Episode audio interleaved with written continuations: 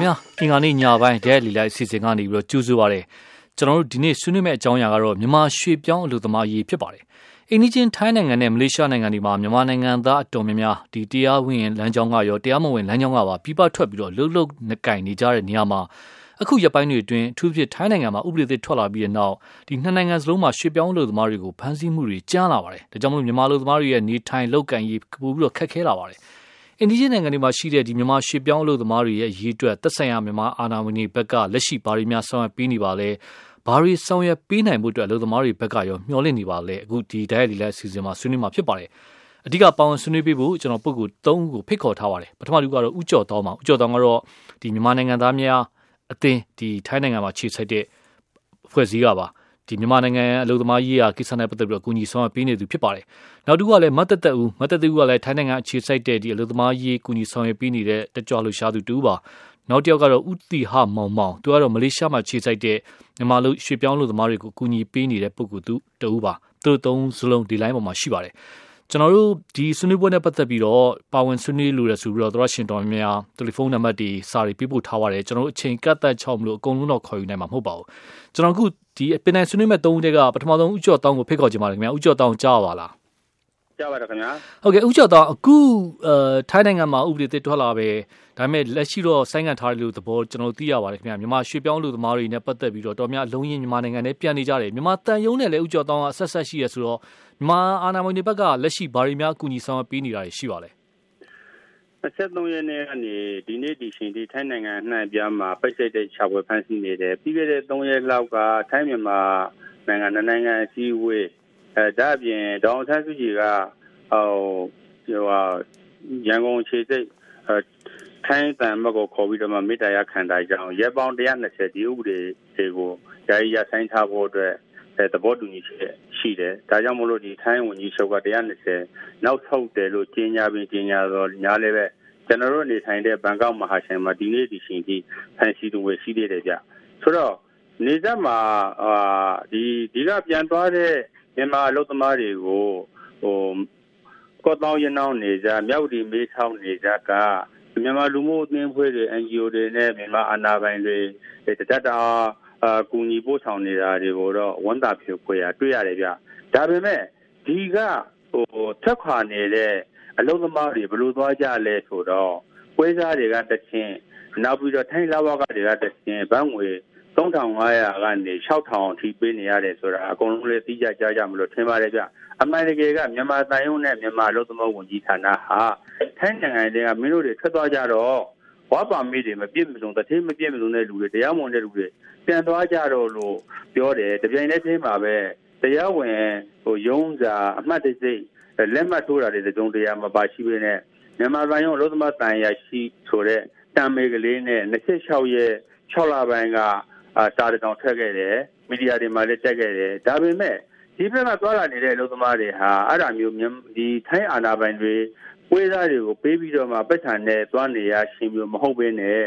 ဟိုတရားဝင်တဲ့အလုပ်သမားတွေလွတ်လွတ်လပ်လပ်ဒီကားမှတ်တိုင်တွေယထာမှတ်တိုင်တွေဥမာပတ်သက်ဖို့ရှိတဲ့လူတွေဆိုလို့ရှိရင်လည်းပဲလေရင်ကနေပြန်လို့ရအောင်အဆင့်ထိမြန်မာအစိုးရအာဒီဥမာနိုင်ငံခြားရေးဝန်ကြီးဌာနနဲ့အလုပ်သမားဝန်ကြီးဌာနတို့ကစနစ်တကျပြင်ဆင်ဖို့လိုသေးတယ်ဗျာဒါလက်ရှိမြန်မာအစိုးရဘက်ကဟိုနေကြမှာလုပ်နေတာနဲ့အတွင်းဘက်ကအမှန်တကယ်လိုအပ်ချက်ကို ထောက်ပြတာပါဗျဟုတ်ကဲ့ခင်ဗျာဦးကျော်တောင်းလီလိုက်ပေါ်မှာခဏနေပြီးပါကျွန်တော်မသက်သက်ဦးတစ်ဆက်တည်းမေးချင်ပါတယ်ခုညဦးကျော်တောင်းကတချို့လိုအပ်ချက်လေးပြောတယ်မသက်သက်ဦးအမြင်ရောအလုပ်သမားတွေအခုလိုပြဿနာတွေဖြစ်နေတယ်ဖမ်းဆီးတွေဖြစ်နေတယ်သူတို့ပြန်ဖို့ခက်ခဲတွေကြုံနေရတယ်အဲ့တော့ဒီအချိန်ဒီမှာမြန်မာအာဏာပိုင်တွေဘက်ကဘာတွေလုပ်ပေးနိုင်မယ်လို့ထင်လဲဘာတွေလုပ်ပေးနိုင်မယ်လို့မျှော်လင့်ထားပါလဲဟုတ်ကျမတို့လည်းအဲ့ဒါကိုစောင့်ကြည့်နေပါတယ်အဲနောက်ဆွေးနွေးစီဝေးဆိုင်ဆိုင်ဝင်ရတဲ့အခါမှာလည်းကျမတို့အနေနဲ့အလုပ်သမားတွေက ဒီသူအဲထိုင်းနိုင်ငံရဲ့ဥပဒေရှိလို့သူတို့တွေကဒီချက်ရုံအလုပ်ရုံကနေအလုပ်ရှင်တွေကအလိုမရှိတော့ဘူးဆိုတော့သူတို့အလုပ်ထွက်ခဲ့တယ်ဒါပေမဲ့ဒီလိုအလုပ်ထွက်ခဲ့တဲ့အခါမှာအဲလောက်အားခတမိုးတွေကလည်းရတဲ့အခါရတဲ့အလုပ်သမားရတယ်အပြေးဝမရတဲ့အလုပ်သမားလည်းမရသွားဘူးဒါပေမဲ့ဒီအိမ်ပြန်ခကြီးကိုအလုပ်သမားအနေနဲ့ပေါ့နော်သူတို့ရဲ့ကားခအနေနဲ့ဆိုလဲ BIB ကားခ600ဆိုလဲသူတို့တက်နိုင်လိမ့်မယ်ဒါပေမဲ့ပေါ့နော် ဒီကားခါကိုဘယ်လိုပဲတက်နိုင်တက်နိုင်နီးသူနီးဝါဖြစ်ကြောင်းဆိုတဲ့အထောက်ထားမရှိတဲ့အတွက်ကားလက်မှတ်ရောင်းတဲ့လူတွေကလည်းကားလက်မှတ်မရောင်းရဲတော့ဘူးမရောင်းပေးကြဘူးပေါ့နော်အဲ့ဒါအခါမှာမြန်မာတန်ယုံကဒီအလုပ်သမားတွေအတွက်မြန်မာနိုင်ငံသားတွေဖြစ်ပါကြောင်းဆိုရဲတူးချင်းထောက်ခံစာမျိုးကိုတို့မပြုလုပ်နိုင်ဘူးဆိုရင်လည်းအားလုံးလွှမ်းခြုံနိုင်မဲ့ ဒီမြန်မာနိုင်ငံသားတွေအခုလိုအခါမှာဥပဒေရပြန်တာတွေမှာဆိုရင်ဒီလိုဂျားမှာဆိုပတ်စံတောင်းတဲ့အဖွဲ့အစည်းတွေပတ်စံတောင်းတဲ့ဌာနဆိုင်ရာတွေဒီကိုမလိုလားဘူးအဲ့ဒါမျိုးတွေကိုကင်းရှင်းစေဖို့အတွက်ထိုင်းထိုင်းနိုင်ငံရဲ့အစိုးရနဲ့ညှိနှိုင်းစည်းဝေးဖို့တော့လိုအပ်မယ်ထင်တယ်မြန်မာနိုင်ငံသားတွေကမြန်မာပြည်ဘက်မှာတော့လိုက်လိုက်လဲလဲကြိုးစုံနေကြပြီမဲ့ ထိုင်းနိုင်ငံကနေနေဆက်ရောက်ဖို့အရေးမှာသူတို့ပတ်စံတွေက3100 3500ကုန်နေကြရတာတွေတွေ့တယ်အဲ့ဒီဟာမြန်မာနိုင်ငံသားတွေအတွက်အကာအကွယ်ပေးဖို့လည်းလိုသေးတယ်လို့ကျွန်မထင်ပါတယ်ရှင်ဟုတ်ကဲ့မသက်သက်လေလိုက်မော်နေပါဦးကျော်တောင်းကိုကျွန်တော်ပြန်မေးချင်ပါတယ်ခုနကမသက်သက်ပြောသွားတဲ့အထက်မှာတစ်ချက်လောက်ခလာစားတွေမရဘဲနဲ့အခုတချို့ဖြစ်နေတဲ့ပြဿနာပေါ့ဒီကိစ္စနဲ့ပတ်သက်လို့ရောဘယ်လိုဖြေရှင်းပေးနေကြလဲအာဏာပိုင်တွေဘက်ကမဖြေရှင်းပေးနိုင်ဘူးလား အာမရှိဘူးဗျအဲ့ဒါတွေမရှိတဲ့အတွက်လေကျွန်တော်ဒီထိုင်းနဲ့မြန်မာနိုင်ငံ30ရက်နေ့ကနေပြီးတော့စီးဝေးမှာလောက်တဲ့နိုင်ငံဆိုရအာစီဝေးကိုကျွန်တော်ချိန်မီနေပြီးတော့29ရက်နေ့ကမြန်မာလူသမဝန်ကြီးဌာနကိုကျွန်တော်စာရေးသားပေးပို့ခဲ့တယ်ဗျ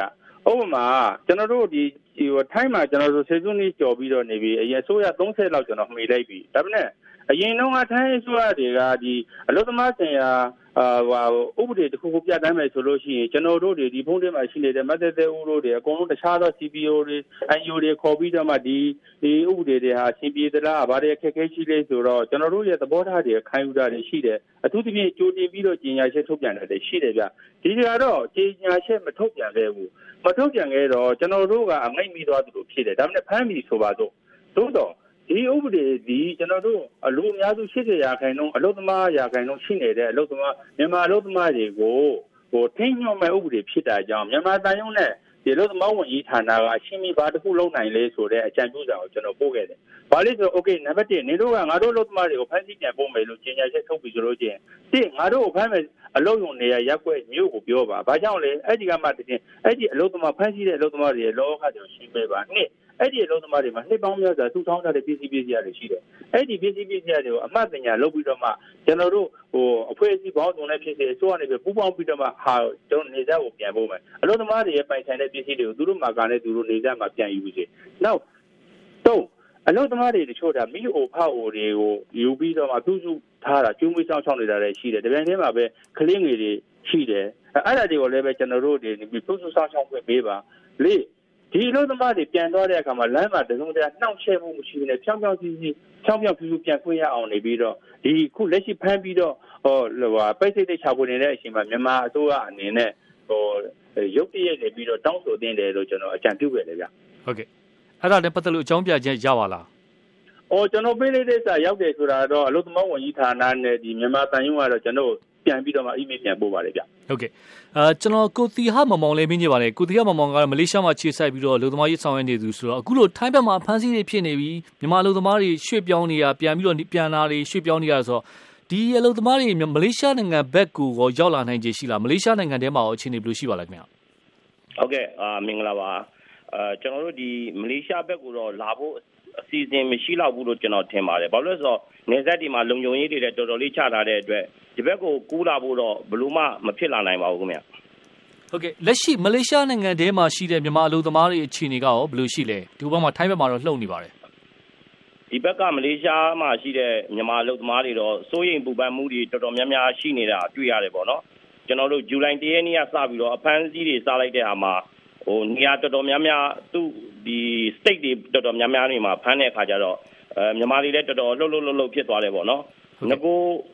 ခစ်တွေကဖမ်းခဲ့တဲ့ဟာမျိုးနဲ့အခုတစ်ခေါက်ဖမ်းတာနေကနည်းနည်းလေးကွဲပြားမှုလေးတွေရှိလာတယ်အပို့ပြီးတော့ဟိုပတ်စိတ်တိုက်ဖမ်းလာလေးတွေရှိတယ်ပထမဆုံးရက်ကဆိုလို့ရှိရင်လူ1035ယောက်မှာကျွန်တော်တို့မြန်မာ102ဦးပါသွားတယ်ပေါ့နော်ဟုတ်ကဲ့အဲအခုတည်းနေရာပေါင်း180နဲ့တနေရာဖမ်းတာမှာစုစုပေါင်း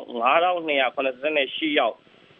ဖမ်းမိတယ်ပေါ့နော်ဒါပေမဲ့သူတို့တေချာပြန်စီစစ်ပြီးတဲ့အခါမှာအခုဒီနေ့နောက်ထပ်1000နဲ့9ဦး1509ဦးပေါ့အဲ့ဒီထဲမှာမြန်မာကတော့139ယောက်ထပ်ပါသွားတယ်ပေါ့နော်အဲ့လိုမျိုးဖြစ်နေတဲ့အချိန်မှာဒီနေ့နောက်ထပ်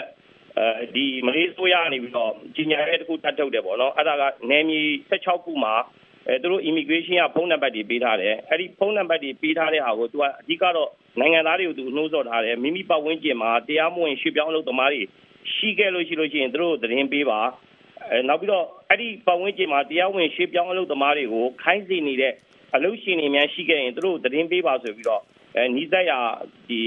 နယ်မြေတွေမှာရှိတဲ့ immigration ဖုန်းနံပါတ်တွေ16နေရာပေါ့နော်အဲ့ဒါတွေလည်းပေးထားတယ်ဆိုတော့ငကိုခေကာလာနဲ့ဆိုရင်တော့နည်းနည်းလေးကွဲပြားပြီးတော့အခုပို့ပြီးတော့ ဆူဆူဝါးဝါအနေထားကိုတော့မြင်ရတယ်ခင်ဗျအဲ့တော့မလေးရှားနိုင်ငံမှာက MOI သဘောတူညီချက်နဲ့အလုပ်သမားတွေလွတ်တဲ့ဗမာပြည်အလုပ်သမားတွေတရားဝင်လွတ်တဲ့လူတွေရှိပါတယ်ဒီလူတွေအတွက်ကောစိုးရင်စရာရှိပါလား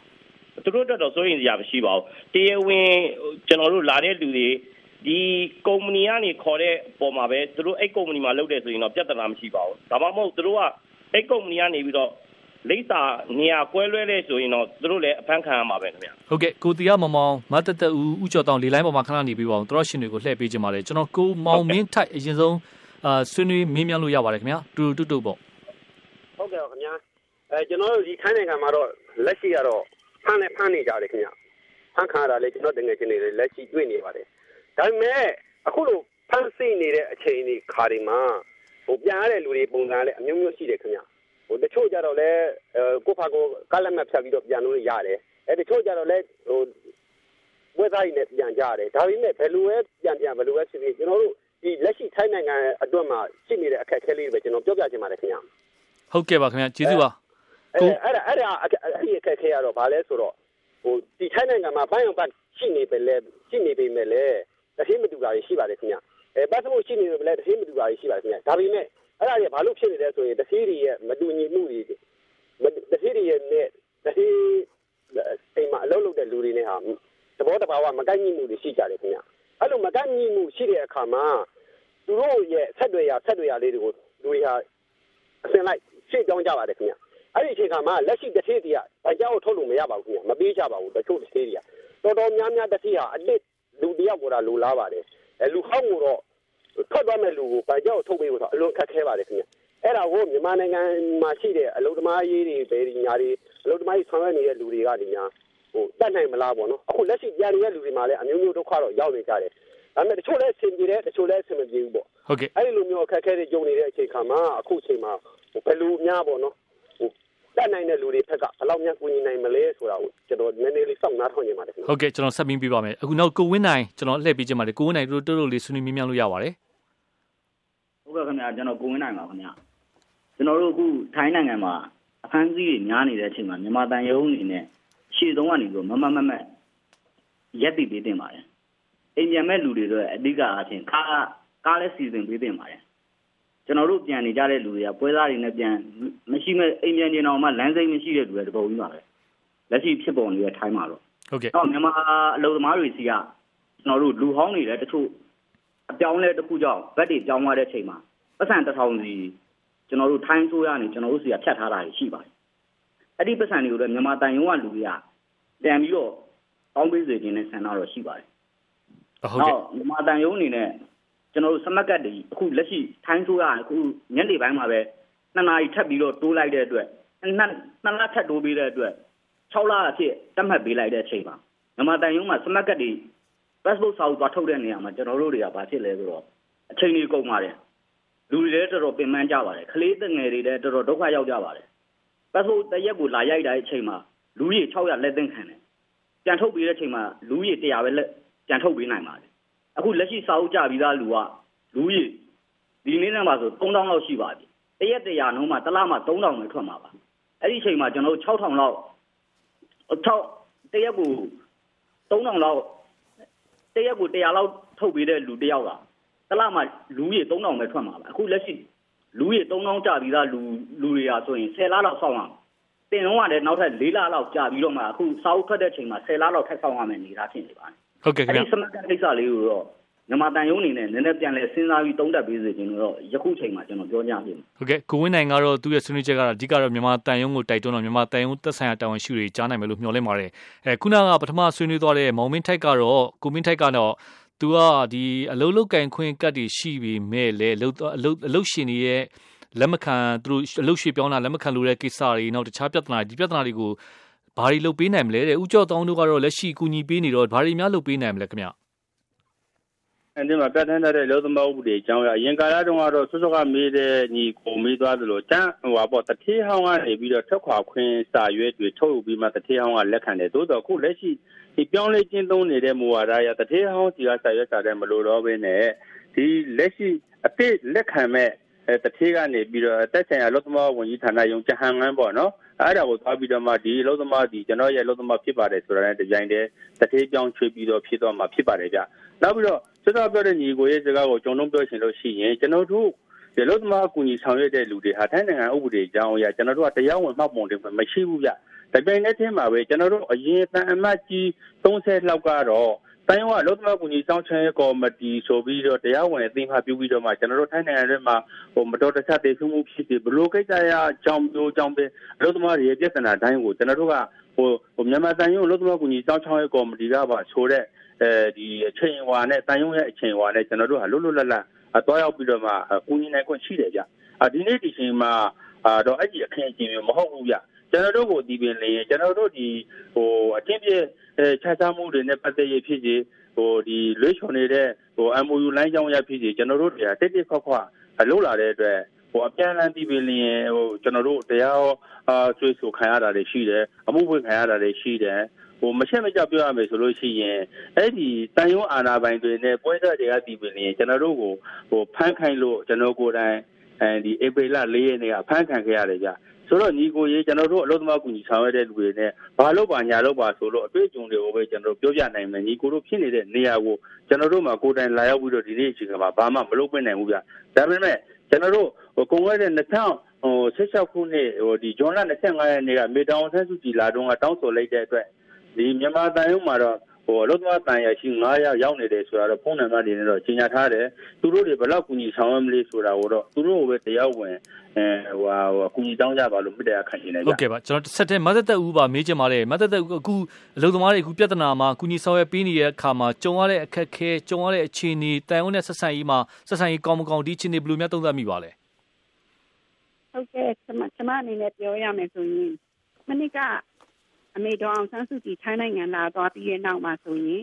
ထိုင်းအာဏာပိုင်အနေနဲ့ထောက်လန်းရေးတွေကကျမတို့လိုတရားမဝင်တဲ့ဒီလုတ်သမားကူညီနေတဲ့ CBO လိုအဖွဲ့တွေကိုမှတ်ပုံတင်မရှိထားတဲ့အဖွဲ့အစည်းတွေကိုထောက်လန်းပါတယ်မေးမြန်းတာပါမေးမြန်းတာလည်းမျိုးစုံပါပဲဖုန်းနဲ့မေးလိုက်အဲဖယ်နေရမှာရှိတယ်လေဖယ်ရုံခန်းဘယ်မှာလဲပေါ့အမျိုးမျိုးမေးပါတယ်နောက်ပြီးရင်ကျမတို့ကိုယ်တိုင်ကအလုတ်သမားလက် လက်လက်ပြတ်သွားတဲ့အလုပ်သမားဖြစ်စေခြေတော့ပြတ်သွားတဲ့အလုပ်သမားဖြစ်စေ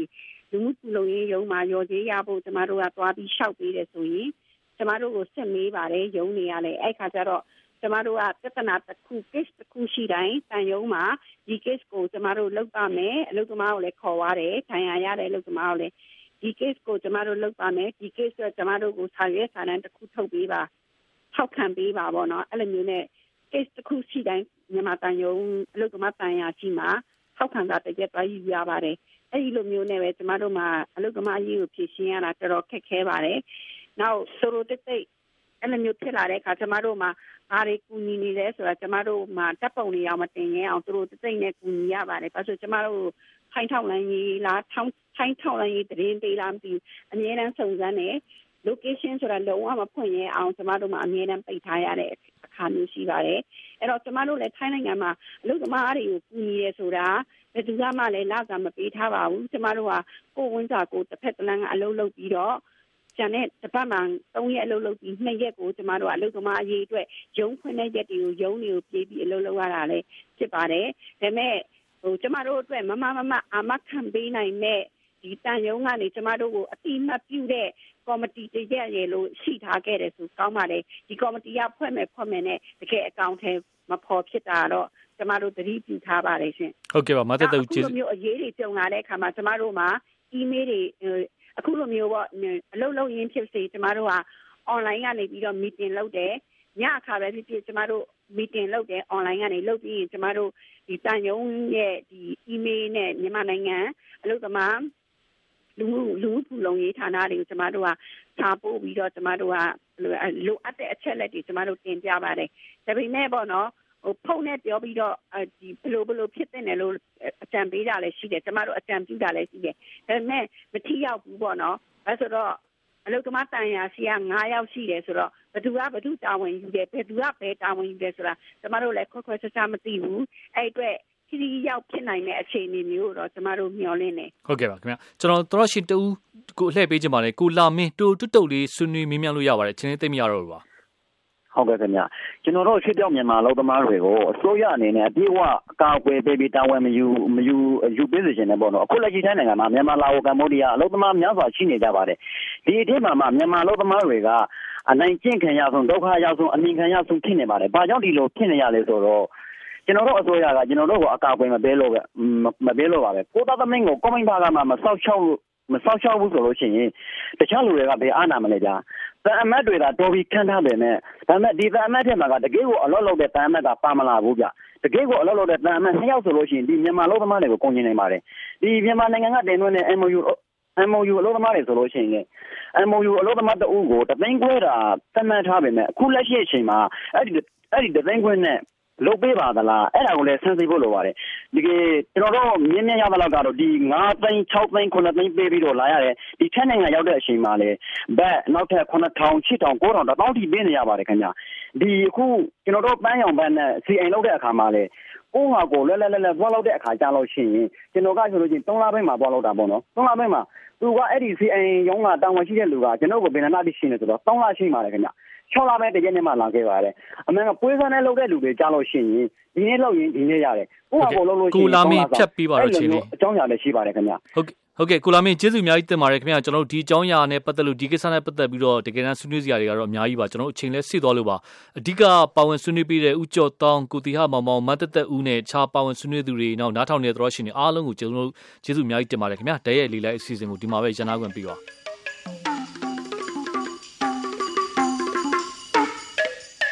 အင်္ဂါညဓာတ်ရိုက်လေလိုင်းဆွေးနွေးခန်းအစီအစဉ်ကိုနားဆင်ကြရတာဖြစ်ပါတယ်။ VOA မြန်မာပိုင်းအစီအစဉ်ကိုဆက်လက်ထုတ်လွှင့်ပေးနေပါတယ်။ဗုဒ္ဓနေ့မနေ့ထုတ်လွှင့်မဲ့အစီအစဉ်ကိုတော့လိုင်းဒိုမီတာ30နဲ့40နဲ့50တို့ကနေဖမ်းယူနားဆင်နိုင်ပါတယ်ရှင်။